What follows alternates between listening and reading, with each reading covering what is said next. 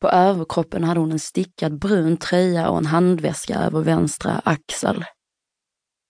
Jag var så kåt att jag fick kvällningar som jag försökte kamouflera med ett våldsamt men innehållslöst hostanfall.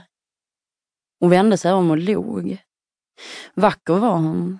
Hennes ansikte strålade blekt och rosigt. Inramat av mörkt, parklippt hår. Luder, hora, fnask, svor jag för mig själv. Men hon bara log. Sen satte hon sig i soffan med benen brett isär, armbågarna stödda mot knäna och huvudet i händerna. Hon såg på mig så förunderligt glatt. Som om jag gjorde henne lycklig bara genom att visa mig för henne. Jag kände mig tvingad att le tillbaka, men det var troligen den sorts leende en dödsdömd ler mot sin bödel. Jaha, ja, sa jag knäckt, medan oron gnagde i buken på mig. Hon sa ingenting, hon bara log och gnistrade skönt. Jag var fortfarande kåt. Kuken syntes tydligt genom morgonrocken och det var uppenbart att hon sett den, men det struntade jag i. Hon fnittrade och lutade sig bakåt så att kjolen gled upp en bit och blottade mer rött lår.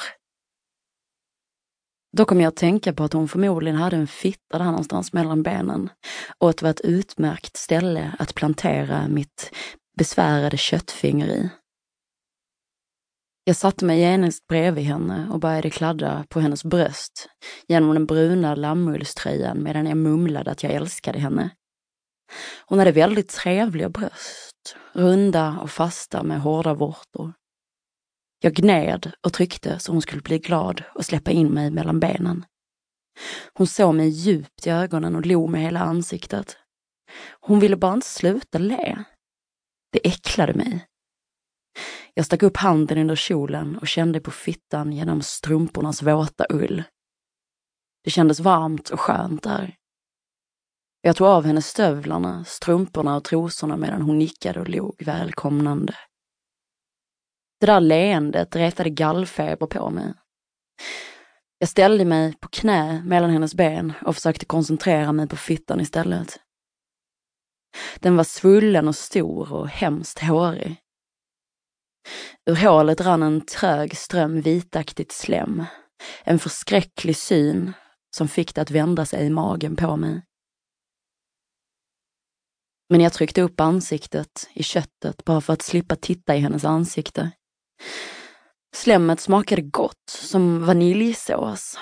Och jag gled runt med tunga och näsa ibland slemhinnor och kittlade och slickade det i mig. Det ryckte lite i hennes kropp då och då, vilket tydde på att hon gillade det. Till slut tog jag av mig morgonrocken och styrde in pitten mot murran med handen. Just när jag började glida ollonet mot kittlaren kastade jag en hastig blick mot hennes ansikte. Hon log ännu bredare än förut.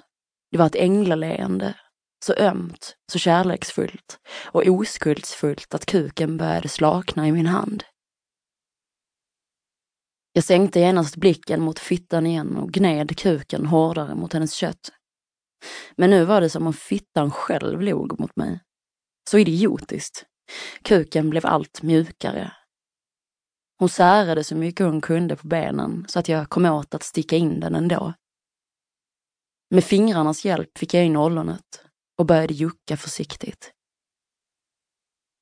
Knappt hade jag börjat förrän kuken gled ut igen, ännu mer förkrympt.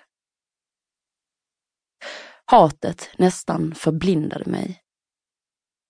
Jag fick hindra mig från att slå henne på näsan med knytnäven.